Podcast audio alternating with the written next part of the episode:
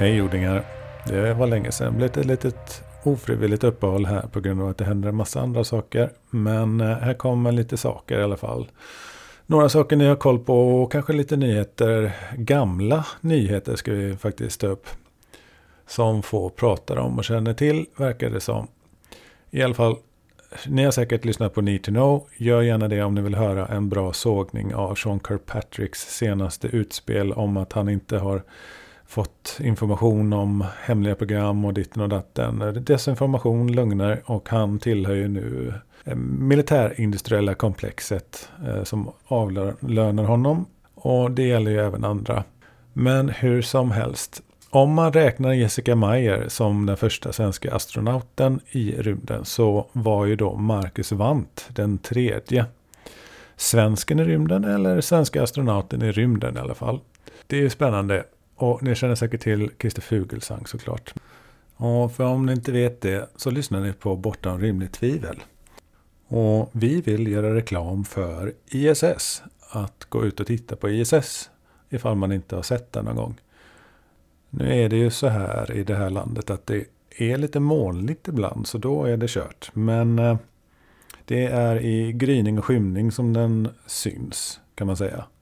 Mitt på dagen och mitt på natten ser man den inte. Den 24 februari klockan 05.19 då står den 20 grader högt på himlen. Och 20 grader är ungefär om du håller två knytnävar på varandra på utsträckt arm. Så högt över horisonten eh, ska den vara då. Den 25 februari klockan 04.33, 17 grader högt. Den 25 februari klockan 06.06, 06, den hinner ett varv där på en och en halv timme runt jorden. Och 26 februari 05.18, 22 grader högt står den då. När den passerar. Det finns appar att titta på. Och eh, jag ska påminna någon gång när det är ett bra tillfälle. Det här är ju de närmsta 10 passagerna. De är mellan 04 och 06 allihopa. Men en vacker dag. En, en vacker morgon eller kväll ska vi ut och titta på den. Ni som inte har gjort det. Jag ska försöka påminna er. Hörrni, som jag ser på ufologin just nu så ser det ut som ett mänskligt skådespel. Problemet är ju inte den utomjordiska närvaron. Den har varit konstant i alla tider. Lite mer nu i rymdåldern såklart verkar det som när vi har kärnvapen och raketer och grejer. Det är ju inte ett problem det är ju en tillgång och en möjlighet likt inget annat. Och den här mörkläggningen och psykologisk påverkanskampanj, desinformation och propaganda och allt vad det är. Och hålla det här hemligt, det får väldigt mycket negativa konsekvenser. Både för enskilda personer, medborgare och på det stora hela. Och man måste ju fråga sig om man är utilitarist, att vad är bättre av att det fortsätter på det här viset. Vad har blivit bättre av den här långa, långa mörkläggningen av den utomjordiska närvaron? Det har inte blivit färre krig, miljön har inte blivit bättre. Vi har kanske missat en massa möjligheter att utvecklas. Eh, teknik, energi. Och vi blir knappast säkrare av att inte få veta. Eh, nu vet vi ju ändå ganska många ändå vad som pågår. Och det, det är inte på pluskontot. Det ser inte så himla tjusigt ut det här som har pågått. Och som fortfarande pågår. Där man försöker hjärntvätta folk. Att lura varandra. Att eh, inte kan veta att utomjordingarna är här. För det är så det är tänkt. Det är nämligen så. Om ni tittar på Mike och Preston Dennett och alla databanker. Eh, det finns inga rimliga tvivel om att det faktiskt är utomjordingarna som håller på med massor av konstiga saker som inte jag förstår varför riktigt. Symbolik, synkroniciteter, öglor. Titta på den gedigna bank av data och kunskap som McClellan har om det. Och det, har ju, det är ju mycket mer än bara ufon. Än bara tefat med gubbar i. Det är ju någonting mycket större och vackrare än så. Men missförstå inte ET. Det är våra kosmiska grannar och släktingar som inspirerar oss i den här, ja det är mycket mer än bara de fysiska fenomenen. Absolut, jag har aldrig sagt något annat. Men var uppmärksamma på att det finns en gas, en valeisk gas eh, inom vissa delar av YouTube-ufologin. Där man är så gaslightad och vill vara så sofistikerad och till och med smarta, framgångsrika människor säger att den utomjordiska hypotesen är den minst sannolika. När det är den som är sann. Då har hjärntvätten... Det är, det är beklämmande att se unga, intelligenta, driftiga människor vara så lurade. Och inte nog med det, utan man lurar ju varandra genom att hålla på så här. Ehm, det är inte snyggt. Det är hjärntvätt och det är eh, människor som hamnar i kläm på olika sätt på grund av det här. Blir missförstådda, ehm, blir utfrysta. Ehm, så har det väl varit framförallt förr i tiden. Men eh, det finns sådana tendenser fortfarande skulle jag nog vilja påstå. Det är inget lätt ämne att ta upp detta. Och det är på grund av just stigmat och desinformationen och den psykologiska påverkanskampanjen. Det är inte tjusigt. Vi har alla olika roller i detta och eh, all blåljuspersonal, mig inkluderat, har någon gång varit i situationen och många av er andra också. Där man ställs inför en person som är omtöcknad, eh, berusad kanske eller chockad på något sätt inte riktigt närvarande. Man vet inte kanske varför. Och då kan man ju göra så här. Det lär man väl fortfarande ut på Polishögskolan skulle jag gissa. Att man ger en liten dask på kinden. Att någon ska, om någon är berusad till exempel så kan det ofta vara så att den kan skärpa till sig. Om den bara är trött och, eh, eller om den är i chock. Så kan ett av verktygen i verktygslådan vara att ge en liten dask på kinden och röska om personen för att den ska nyktra till. För ibland så kan, i vissa stadier så kan man skärpa till sig. Och det funkar. Det, jag har fått det att funka många gånger. Och det är lite så jag vill göra med vissa delar av ufologin. Ge er en liten slapp på kinden. Att det finns en valeisk gas som ni alla sprider till varandra. Den utomjordiska närvaron är mycket mer än biologiska varelser, rymdskepp och tefat.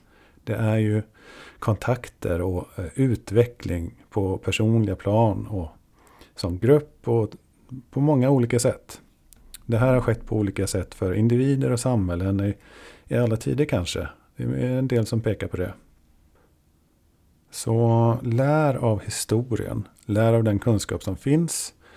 Lär av historien av den infiltration och påverkan desinformationen, den sofistikerade desinformationskampanjen, den finns.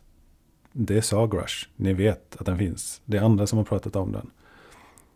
Så gör inte så. Gör så här. Sätt er själva och titta på bevisningen. Lägg ihop indicierna. Tänk som att det är ett åtal eller en teori som ni ska bygga ihop. Om det kommer in information som varken bevisar eller motbevisar, jag släng bort den då. Se om det finns någon alternativ förklaring. Finns det något stöd för den? Eh, lyssna inte på någon allmän uppfattning om det är så att den allmänna uppfattningen mest beror på en psykologisk påverkanskampanj. För de går djupt i oss. De påverkar vårt sätt att resonera, tänka, känna och speciellt på gruppnivå. De har lyckats få oss att sprida den här psykologiska påverkanskampanjen mellan oss. Att det kanske inte måste vara ET.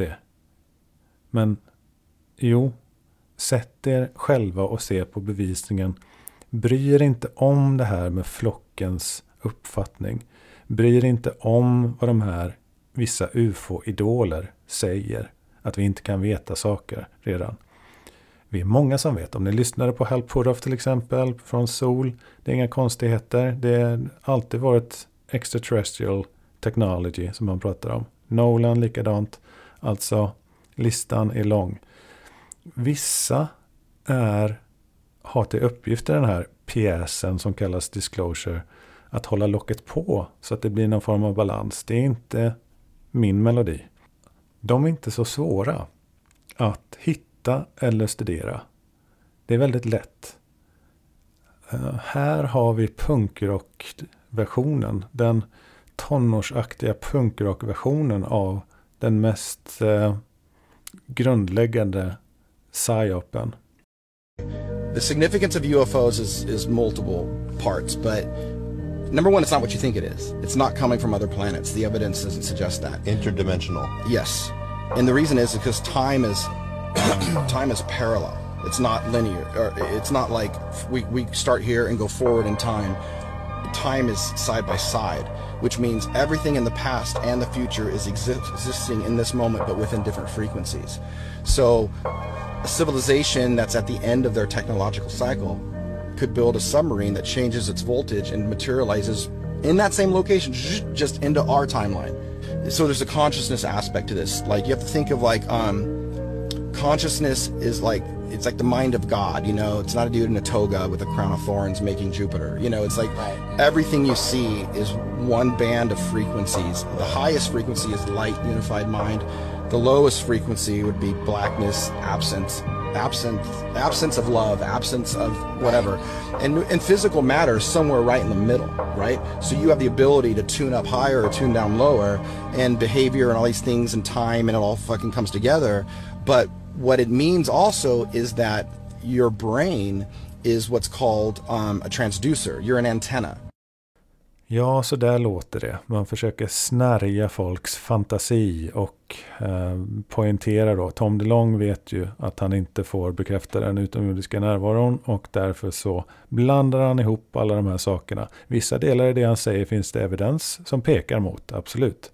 Men han börjar ju med att ljuga er rakt i ansiktet för att han måste. Ehm, det hoppas jag många av er har förstått vid det här laget och då kan ni hitta flera personer som låter likadant.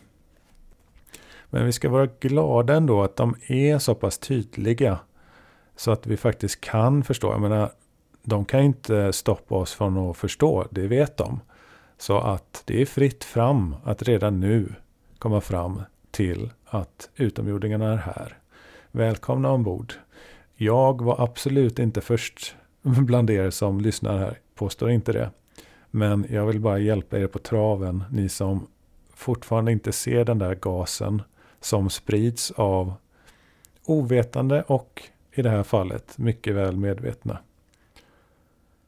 Man kan inte prata hur som helst på det här ämnet. Men i den här podden, ni som lyssnar här, ni måste i alla fall vara medvetna om hur skevt det är i mainstream media på vissa ämnen och speciellt det här ämnet.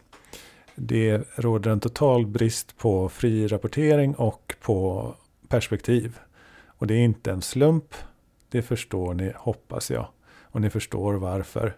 Mm, det är ingen ondskefull mörkläggning på så vis, även om den har väldigt negativa konsekvenser och inslag. Men den är till för att vi inte ska...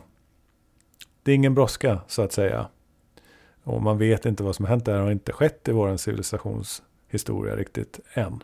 Så det är därför det är så himla, himla stor grej. Men den här förljugenheten, den är skadlig i sig, vill jag hävda. Det råder en dissonans mellan människor och uppfattningar och allt möjligt på grund av det här. Och ni som fortfarande har svårt att hitta den sofistikerade desinformationskampanjen som finns både globalt och nationellt på många håll i Europa och i Sverige. Lyssna efter folk som alltid försöker få er att tro att ingenting är nytt. Ni har inte sett tillräckligt med bevis. Ni har inte goda skäl att hålla något för sant. Um, det är ingen idé. Eh, vi vet ingenting än. Sen kan vi veta och som påstår att eh, det inte är något fel med rapporteringen.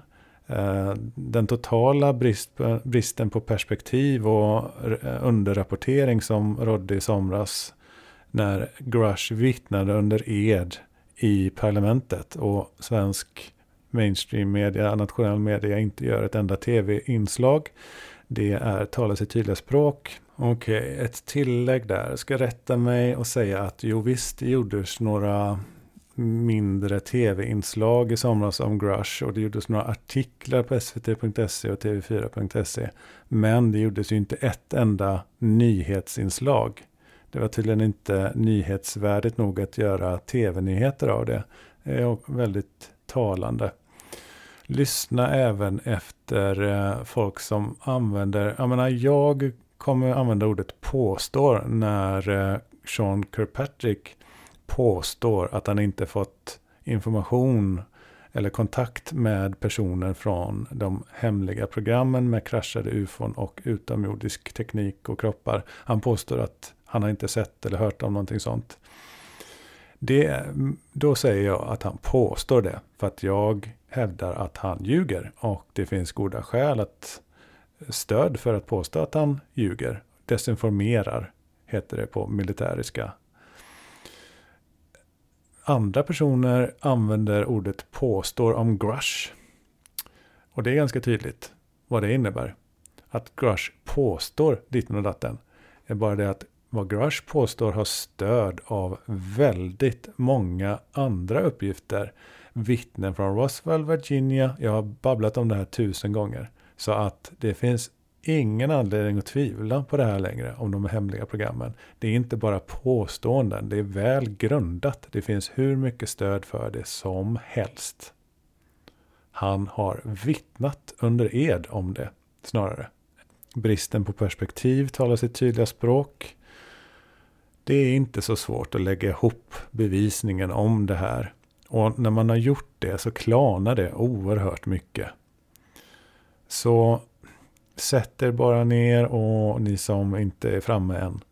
Tänk själv. Lyssna. Ni behöver inte myndigheters godkännande för att veta saker. Ni behöver inte gruppens inputs.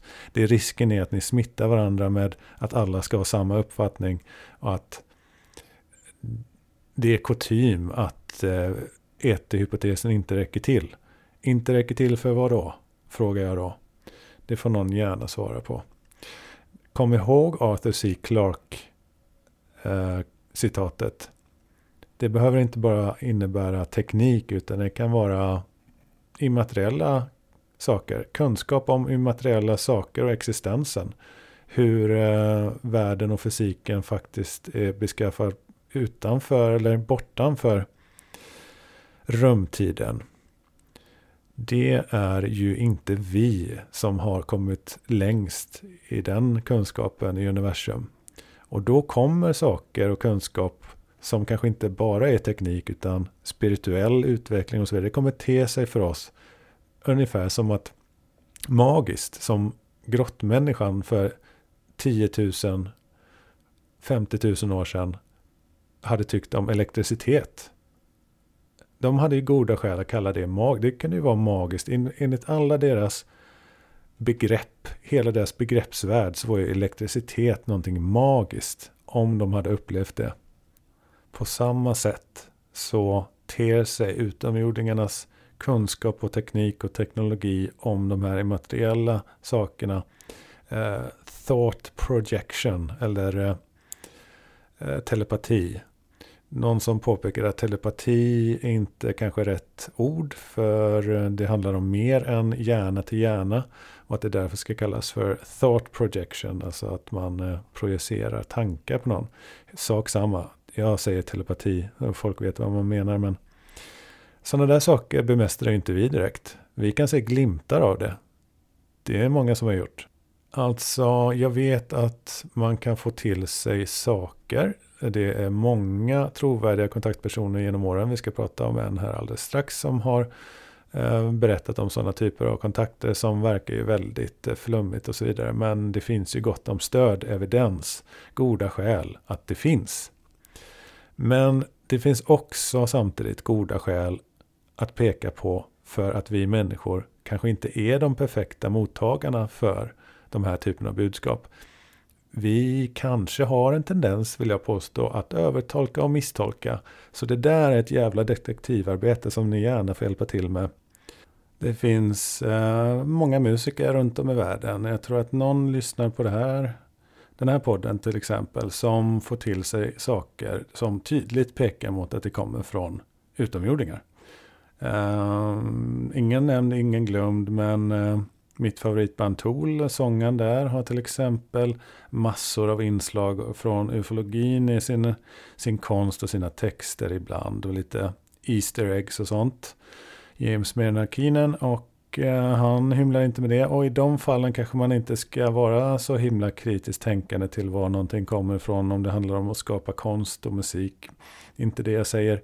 Men eh, jag vill ju veta vad som är den riktiga kärnan. För om man påstår att jorden är på väg att gå under eller att utomjordingarna ska komma ner och visa sig, vi ska ha öppen kontakt. Om, ja, det är väldigt mycket sånt och frågan är vad som är den korrekta kärnan i det där. För det verkar ju ganska tydligt att allting inte stämmer. Det är mycket saker som inte har slagit in. Så det är nog en kärna av riktigt budskap men också övertolkningar och misstolkningar. Är det inte så det ser ut? Och andra personer som har rört sig i den, eh, låt oss kalla det nyandliga världen. Eh, de vittnar om att det går inte rätt till där alltid.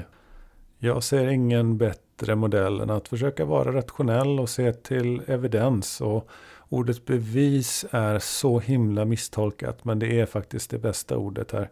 Man lägger ihop bevisningen, evidensen eh, indiciebevisning som pekar åt samma håll är väldigt, väldigt kraftfull jämfört med någonting som inte stöds av någon evidens alls. Det är faktiskt evidensen som måste styra. Se på Tom Campbell till exempel.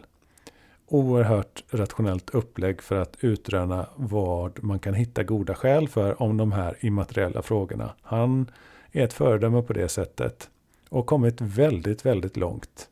Så att eh, jag vill nog säga att det är den bästa modellen. Man kan vara rationell om allting. Man behöver inte vara, man bör inte vara rationell i alla delar. Eh, om du frågar Tom Campbell så säger han rakt ut väldigt tydligt att lägg bort det rationella om du ska utforska eh, de här frågorna om medvetandet. Så jag hoppas ni förstår vad jag säger här. Var sak har sin plats så att säga. Man kan vara rationell om era immateriella frågor.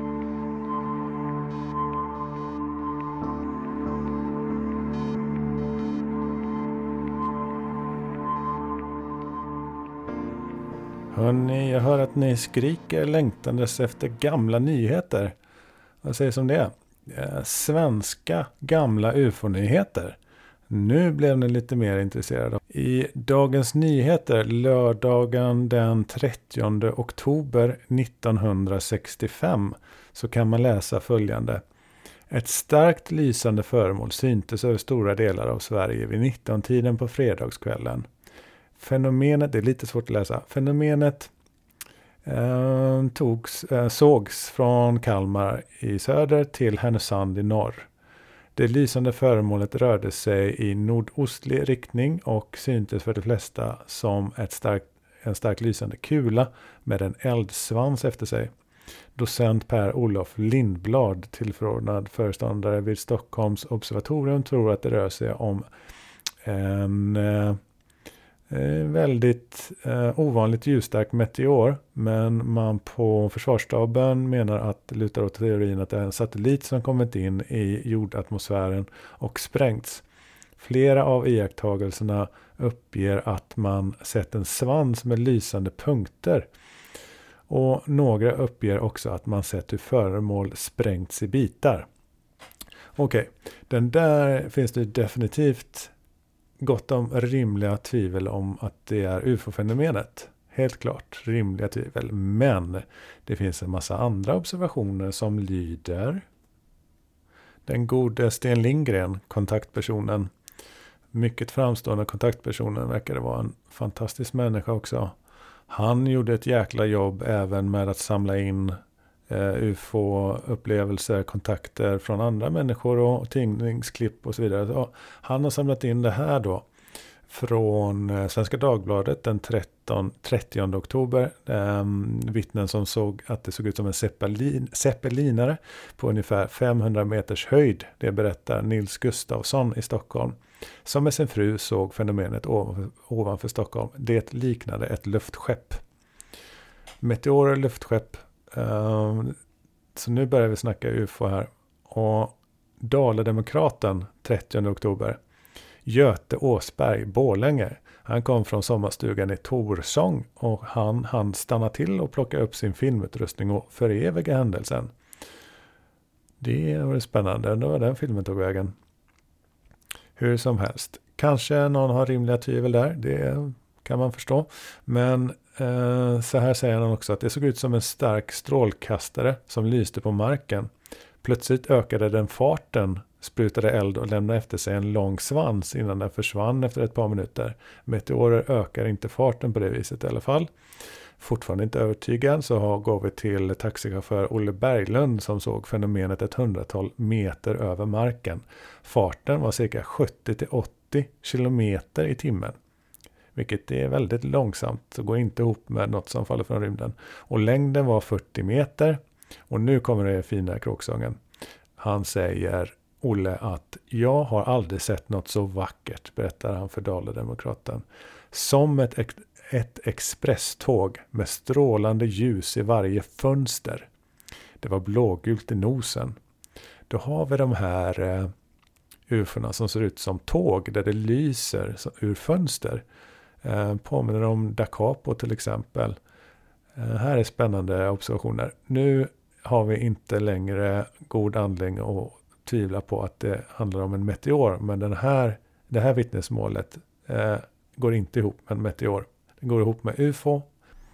Den här UFO-vågen 1965 eh, över två dagar verkar den ha varit. Den bevittnades även av tidningsmannen Olof Lagerkrans, DNs chefredaktör och eh, mm, kanske en av de främsta tidningsmännen i Sverige då, måste det väl ha varit. Han kom upp från en tunnelbanestation, om det var vid Sankt Eriksplan kanske, och såg då ett eh, cylindriskt objekt, ett UFO som flög över Stockholm. Och det var även flera andra som såg eh, detta den dagen. Och det här rapporterades i viss mån faktiskt. Men eh, det var länge sedan man hörde någonting om det. Tyvärr. Och så hoppar vi lite till nutid och ingen har väl missat att eh, Scorsese gjorde en UFO-reklam som sändes på Super Bowl. Eh, som säkert såg som någon miljard eller två.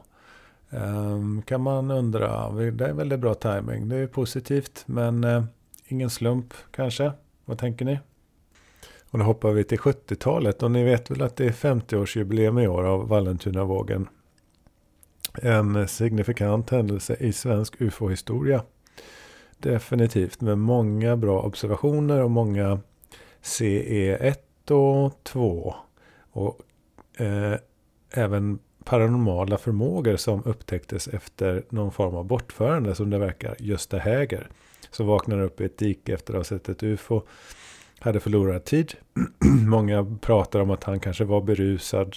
Men det, om man ger sig in i Gösta Hägers historia så det rimmar inte med en, en ren fyllehistoria. Och underrättelsetjänsten var på sin vakt där och eh, var intresserade av vad som hände med Gösta Häger i, i, efter det här. Då. När han rapporterade speciella förmågor och undersöktes av, eh, eh, jag tror han var på Danderyds sjukhus vill jag minnas. Det här ska vi prata mer om. Sen har vi också Vitangi, en svensk skolsighting. Några unga herrar som var ute på en kall eh, Torneälv, mörkt och kallt, spelade hockey på isen. De såg ett kraftigt ljus, ett UFO, och de Ehm, såg stirrande varelser som eh, kom ut från en farkost och rörde sig mot dem. De flydde mot land, men en av dem blev paralyserad och kunde inte fly. Ehm, det är också en mycket intressant historia vi får återkomma till.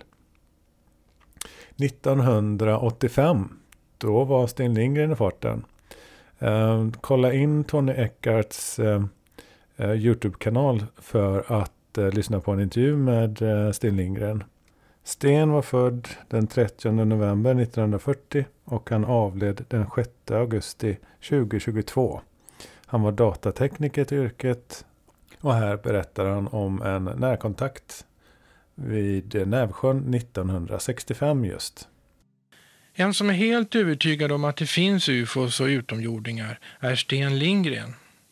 Tillsammans med fyra andra var han med om en närkontakt med ufo i november 1965 vid Nävsjön, strax söder om Nyköping. Tre föremål fick jag se då. Två av dem låg i luften och ett var landat på marken. När vi kom fram så hade det första föremålet ännu inte liksom stängt av sin motor helt utan det var ett stort ljussken som sakta tonade ner så, ungefär som du drar ner en dimmer. Va? Och när skenet hade så att säga tonat ner tillräckligt mycket kunde man se den här farkosten inne i skenet och efter ett tag så kommer ut en besättningsman från vänster sida och kommer att gå och ställa sig i silhuett mot uh, ljuset från farkosten så att säga. Ja, som ni vet och förstår så är ju Sten Lindgren vad man brukade kalla för kontaktperson i dess rätta bemärkelse. Alltså en person som har den här typen av kontakter. Och det befästs även 1984-85 då Sten Lindgren inför 15-20 personer den 28 december meddelar att han har fått klartecken om en överflygning eh, från sina, vad han kallade, The Cosmic Brotherhood. Alltså sina utomjordiska kontakter. Eh, han berättar det här inför 15-20 pers och vad händer? Jo, några dagar in på 1984, kanske mm, eh, någon vecka eller två, in på 1985 rättare sagt, då sker det massor av UFO-observationer, hundratals. Det är 200 250 rapporter som kommer in till eh, olika ställen. Polisen, militären, Siljanringens UFO-förening. Eh, och det finns ett 70 80-tal maskinskrivna polisrapporter om det här. Det var även på Rapport och Claes Elfsberg rapporterar om den här eh, fullkomliga ufo-vågen över Dalarna där Sten höll till. Sten berättade bland annat för Bertil Kuleman att han hade lagt in en beställning då om den här överflygningen och det var personer som såg ufon vid eh, Leksand och Tällberg, eh, stora ljuspunkter och eh, över hotellet där såg man en farkost. Um, Hotell Långbergs. Sten Lindgren och Bertil Kuleman och en person Adelskog de hade en grupp som kallades Arbetsgruppen för UFO-identifiering med Sten Lindgren i spetsen. Där då. Ja, som ni hör så fanns det väldigt många olika UFO-föreningar förr i tiden. Det har faktiskt funnits över 230 olika i svensk ufologisk historia. Vi stannar där så länge för idag och som ni hör så finns det massor av intressanta grejer. Jag menar ufo-vågor i Sverige. Hundratals rapporter och då kan vi säkert gångra det med x antal eh, faktiska observationer där över Dalarna. Eh, där Sten bodde och som han hade sagt då så fick han sin lilla ufo-våg, eller gigantiska ufo-våg snarare. Hörni, tack för att ni har lyssnat. Om ni vill stötta podden finns det eh, uppgifter i avsnittets beskrivning. På återhörande.